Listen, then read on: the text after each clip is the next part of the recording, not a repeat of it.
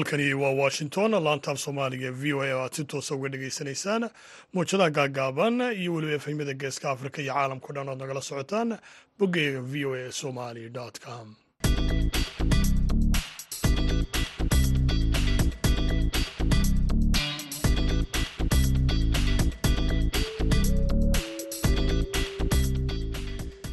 duur wanaagsan dhammaantiinma dhegaystayaal meel kastoo aad joogtaanba waa salaasa taariikhduna ay tahay labada bisha oogast ee sannadka laba kun iyo labaiyo labaatan.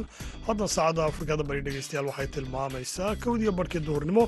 Idaacadda duhurnimo ee barnaamijka dhallinyaradana waxaa halkan idinkala socodsiin doona aniga oo cabdixakiin maxamuud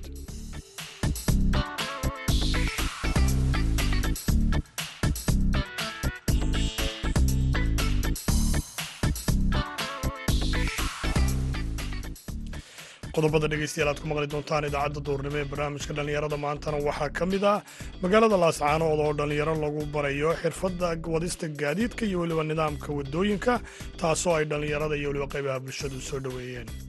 Xataa iyagoo gawaadhida hore u yaqaanay intay noo yimaadeen yidhi ma garanaysaa nagu sameeya dib noogu noqdo.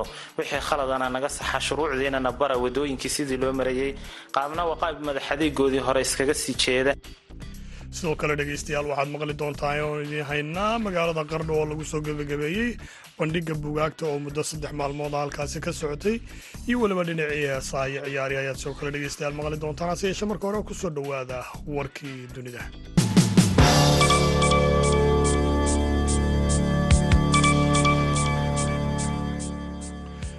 madaxweynaha maraykanka jo biden ayaa isniintii sheegay in gantaal uu maraykanku riday lagu dilay argagixisadii dunida loogu raadinta badnaa. Ayman al dawaahiri ayaa tobankii sannadood ee u dambeeyey hogaaminaya kooxda oo sida oo kale qayba ka samaysatay guud ahaanba dunida kadib markii ay maraykanka gudihiisa weerara ka geysteen koob iyo tobankii bishii sebtembar ee sannadkii laba kun iyo kowdii ayman al dawaahiri ayaa ku dhashay dalka masar isagoo oo ka dhashay qoys hodan ah islamarkaana loo tababaray dhakhtar qalliinka waxaana uu kooxda la wareegay sannadkii laba kun iyo koob iyo tobankii isagoo intaasi ka horna ahaa dhakhtarka gaarka ah ee bin laadin wasaaradda gaashaandhigga ee dalka turkiga ayaa sheegtay inay filayaan in shixnadii u horreysay ee qabadinka ukrain ee tan iyo bilowgii dagaalka ruushku ay arbacada soo gaadho xeebaha dalkaasi turkiga markabka razoni oo ah kuwa xamuulka islamarkaana sitaa isagoo uu ka babanayo calanka dalka siraleon ayaa ka soo baxay dekadda odesa ee dalka ukrain islamarkaana ku jihaysan lubnaan isagoo sida islamarkaana ay ku raran yihiin in ka badan lix iyo labaatan kun oo tan oo geleya waxaana uu marka hore ku hakan doonaa magaalada istanbul ee dalka turkiga halkaasoo howlwadeenno ka socda koox isku dhafa ay ku baari doonaan in markabkaasi si ay u xaqiijiyaan inaanu sidin wax xuba amaba alaab aan cunto ahayn ay saaran yihiin sida ay sheegeen amaba lagu xusay qodobada lagu heshiiyey dabayaaqadii bishii julaay. Si dib loogu soo celiyo midhaha ka soo go'a beeraha ukrain islamarkaana dibadda loogu dhoofiyo si ay u baxaan ama dunida u gaadhaan xilligan oo ay dunida ka jirto. Dhibaato dhinaca cuntada dhegaystayaal warkii duniduna waa naga. Intaas u diyaar garooba qaybaha kale idaacadda duhurnimo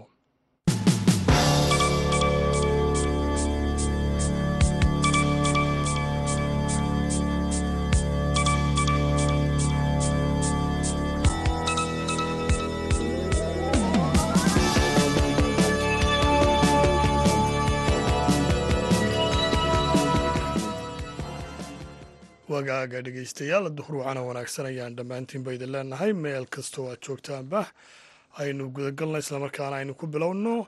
Magaalada qardho ayaa lagu soo xidhaya bandhigga bugaagta taasoo muddo saddex maalmooda ka socotay magaaladaasi. Bandhigaasi ayaa waxaa ka soo qayb galay dad kala duwan iyada oo lagu soo bandhigayay buugaag doora ay qoreen dhallinyaro.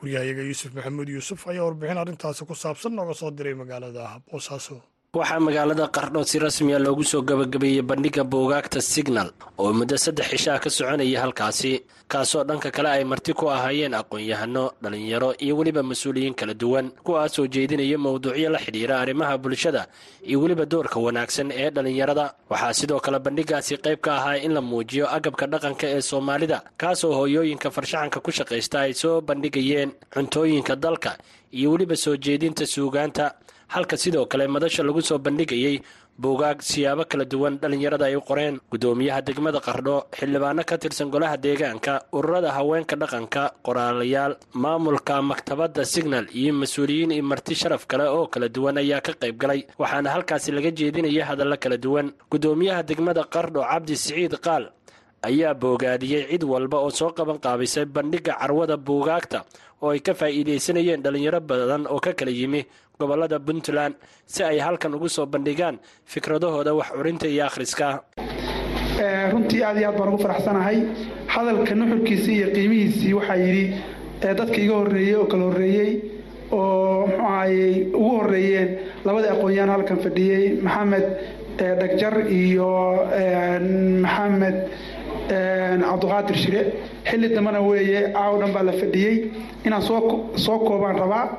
Mar koowaad waxaan rabaa inaan u mahad celiyo bashiir oo ah maamulaha mxuu ahayey maktabadda signal oo barnaamijka soo abaabushay.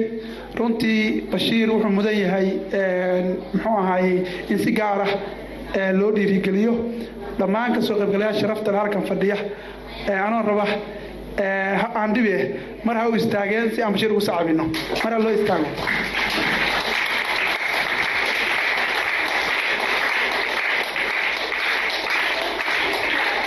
Aad baa umahadsantihiin aad baa umahadsantihiin aad baa umahadsantihiin bashiir cismaan maxamuud dhoolawaa waxa weeye runtii magaalada wax badan buu ku soo kordhiyey. Wuxuu ka furay maktabadda signal oo muddadii labadii sano la soo dhaafay furnayd wuxuu soo kordhiyey abaalmarinta lagu dhiirigeliyo ardada kaalmaha gasha iyo macallimiinta. Wuxuu soo kordhiyey abaalmarinta sanadlaha ah oo lagu dhiirigeliyo ganacsiga iyo saxaafadda iyo dadka haldoorka ah.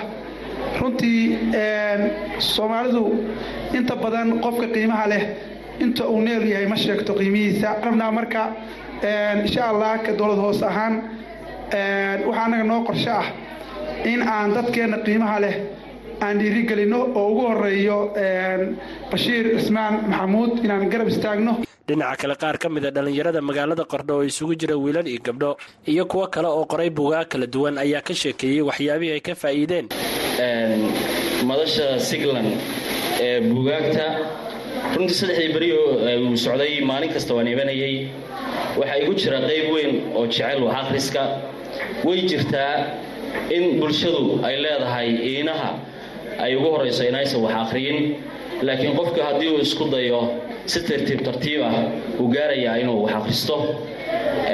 Si gaar ah waxaan ugu mahad celinayaa mas'uuliyiinta iyo maamulka buugfeerkan inoo sameeyey. Qardho waxaan jeclahay insha allah bashiir iyo raggiisa inaan ku dhiirigeliyo inay barnaamijkan inoogu soo celceliyaan haddii lahaydmo hooyadu waxay awood u leedahay ama waalidkuba si guud in carruurta guriga joogtoo dhanba ay noqdaan in dadka iyagu gobolka ah ama degmada ugu sarreeya ama sanadkaaba abaalmarinta wada qaata laakiin waa wax u baahan dadaal kooban iyo joogteen iyo intii hadda la soo sheegay halkan oo la qaato.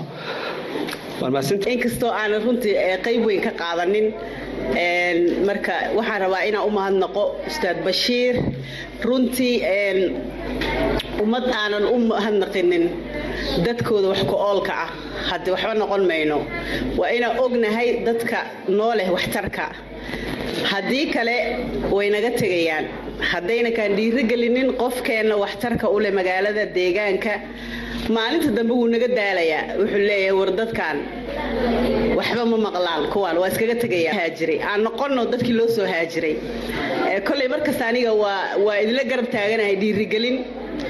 Idinkama daalo inta ay socotay bandhigga buugaagta inta ay socotay bandhigga carwada buugaagta magaalada qardho waxaa lagu soo bandhigayey noocyada kala duwan ee hiddaha dhaqanka oo ay farsameeyeen haween si gaaran ay uga faa'iidaysanayeen dhallinyarada iyo dhallinyaro kale oo halkaasi ka iibsanayay buugaagta ay xiiseynayeen.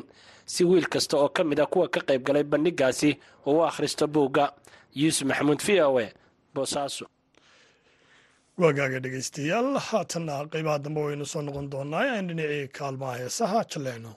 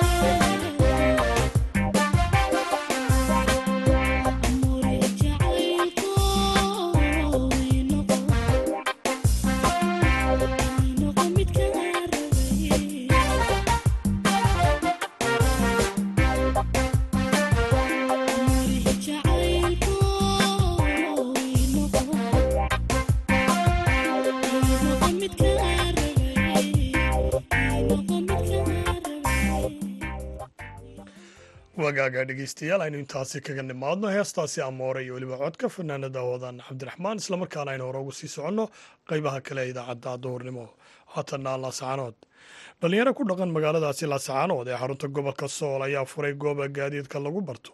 Sidoo kalena dhalinyarada lagu baro hanaanka ay u wadaan iyo weliba shuruucda gaadiidka.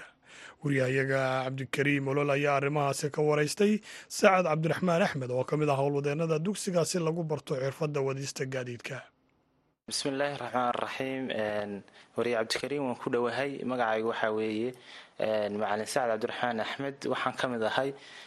Macalimiinta ka bixisa iskoolka sakhir darefin say dhalinyarada bara gawaadhida markaan cabdikariinoo laba qaabood u kala qaado dadka waxaan u barnaa ma garanaysaa laba facultiyo facultina waa ka gacanta aan ardayda barno facultina waxaa weeye faculty ah inaan international calaamadihii shuruucdii u barno.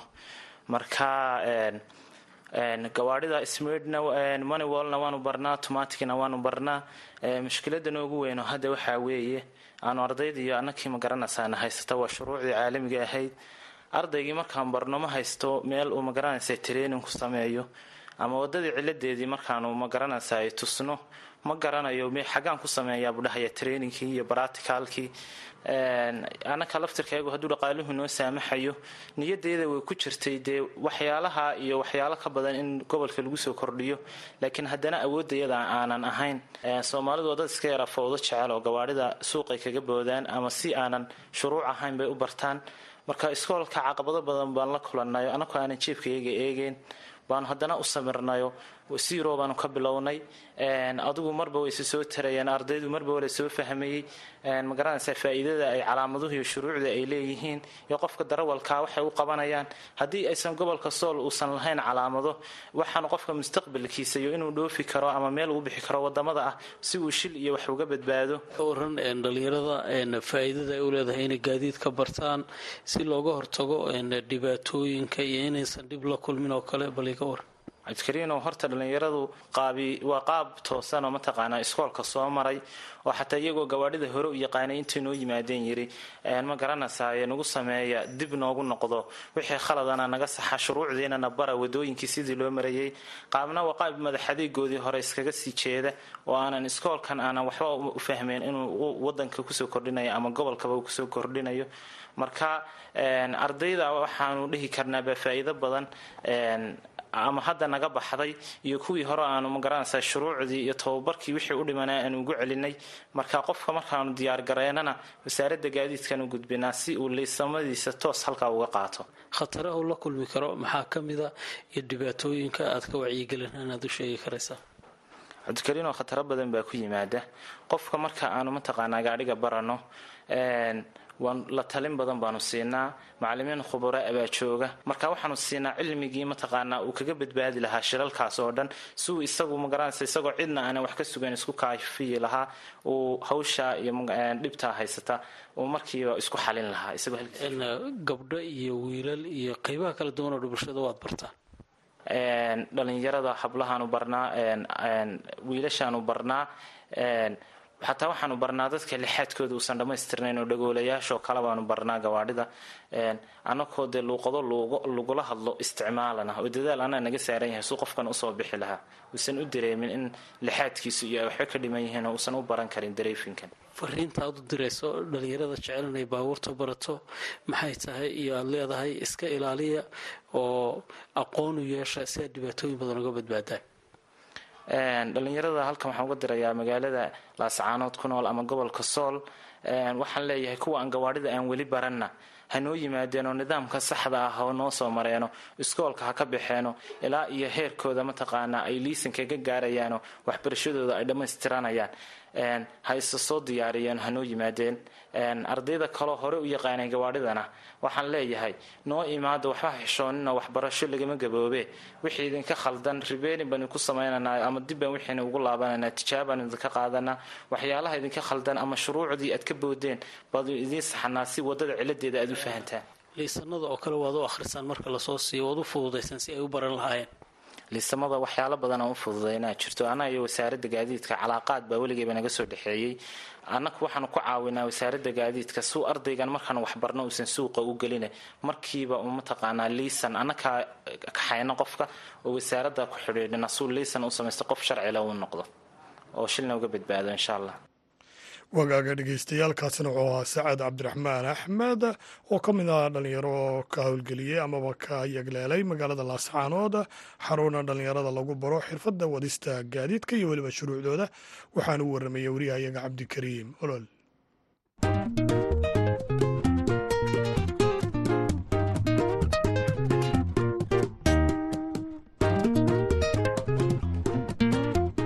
dhegaystayaasha v o a waxaan ugu bishaaraynaynaa in aan koob iyo labaatanka bishan janaayo ee sanadka laba kun laba iyo labaatanka aanu idiin bilaabi doonno barnaamijyo cusub oo ku saabsan waalidiinta iyo daryeelka carruurta iyo barnaamij kale oo ku saabsan madadaalada dhallaanka.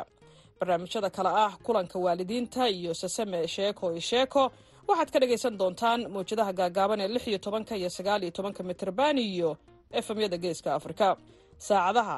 Aad barnaamijyadan dhegaysan kartaan waa toddobada ilaa toddobada iyo barka subaxnimo iyo lixda ilaa lixda iyo barka fiidnimo maalmaha jimcaha iyo sabtida.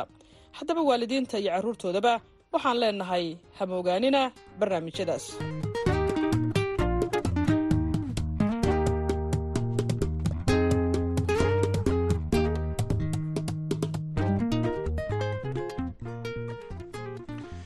halka weli aad nagala socotaana waa idaacadda duhurnimo ee barnaamijka dhalinyarada maanta.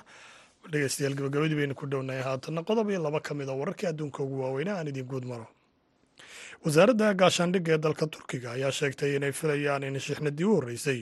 Ee qabadinka yukrain tan iyo bilowgii dagaalka ruushku ay arbacada soo gaadho xeebaha turkiga. Markabka rosani oo ah kuwa xamuulka qaada islamarkaana uu ka babanaya calanka dalka siraleon ayaa ka soo baxay dekadda odessa ee dalka ukrain islamarkaana ku jihaysan dalka lubnaan isagoo sida in ka badan lix iyo labaatan kun oo tan oo galley ah waxaana uu markaasi islamarkaana bilowga ku hakan doonaa magaalada istanbul ee dalka turkiga halkaasoo howlwadeenna ka socda koox isku dhafa ay ku baadhi doonaan markabka si ay u xaqiijiyaan inaanu sidiin wax huba amaba alaabaan cunto ahayn. Sida ay sheegayaan qodobada lagu heshiiyey dabayaaqadii bishii julaay si loogu soo celiyo midhaha ka soo go-a dalka ukrain beerahooda. In dibadda loo dhoofiyo xilli dunida ay waajahayso dhibaato dhinaca cuntada. Ah madaxweynaha maraykanka jo biden ayaa isniintii sheegay in gantaalo maraykanku riday lagu dilay argagixisadii dunida ugu raadinta badnaa ayman dawaahiri ayaa tobankii sannadood ee u dambeeyey hogaaminayay kooxda.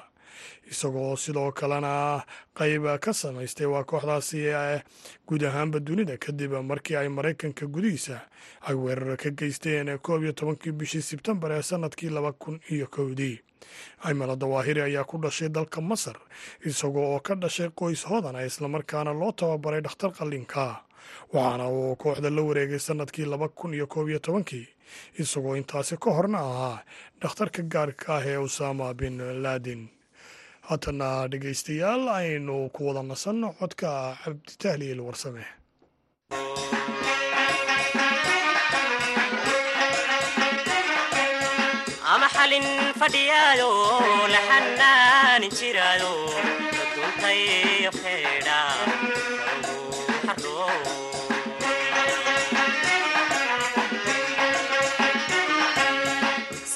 xullaalo aan xaalu faraago lugaan xayska daaqo dabaar ku xudmo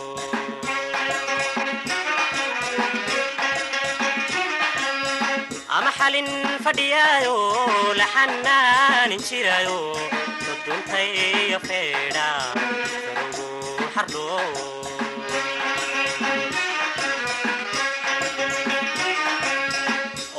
wuxuub dhacsadaayo sayntu dhulka xaabto wuxuub dhacsadaayo sayntu dhulka xaabto oo aan xajiiniyo oo aan xajiiniyo weli mudan xasiya buur u xariirti shaalkiyo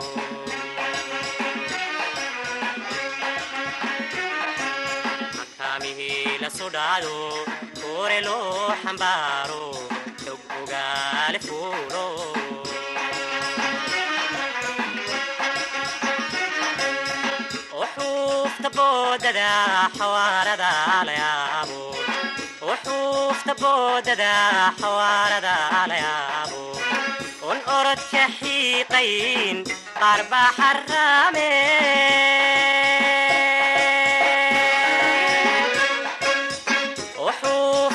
boodada xawaarada la yaabo wuxuufta boodada xawaarada la yaabo un orodka xiiqayn qaar baa xaraame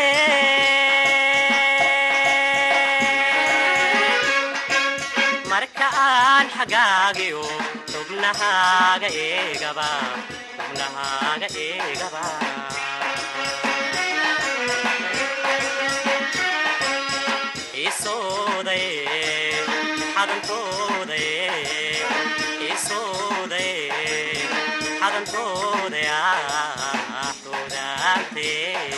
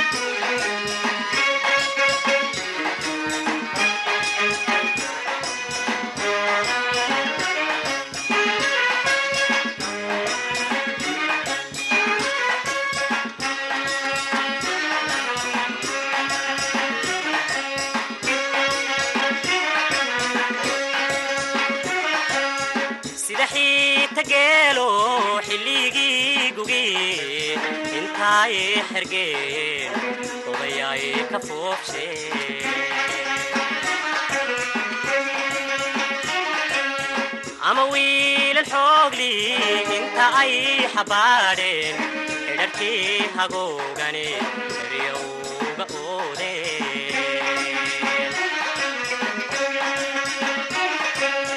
sida xiita geelo xilligii gugi intaay xergeen odayaay ka foobsheen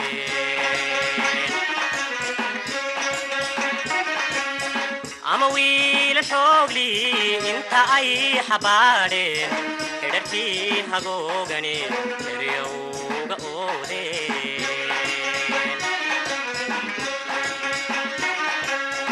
ama ay xayaabliyo bannaanada xalxaliseed ama ay xayaabliyo bannaanada xalxaliseed kayn laba naqxadheen kayn laba naqxadheen irgugu xidhayn uu xabaashka dooguna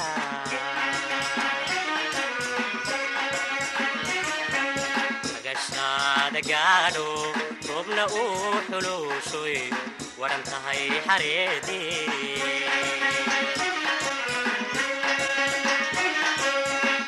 ay xaftiisiyo xigtiisiiba taalo oo ay xaftiisiyo xigtiisiiba taalo oo ay weelka xoorkiyo caanu xarfanayaan oo ay xaftiisiyo xigtiisiiba taalo oo ay xaftiisiyo xigtiisiiba taalo oo ay weelka xoorkiyo caanu xarfanayaan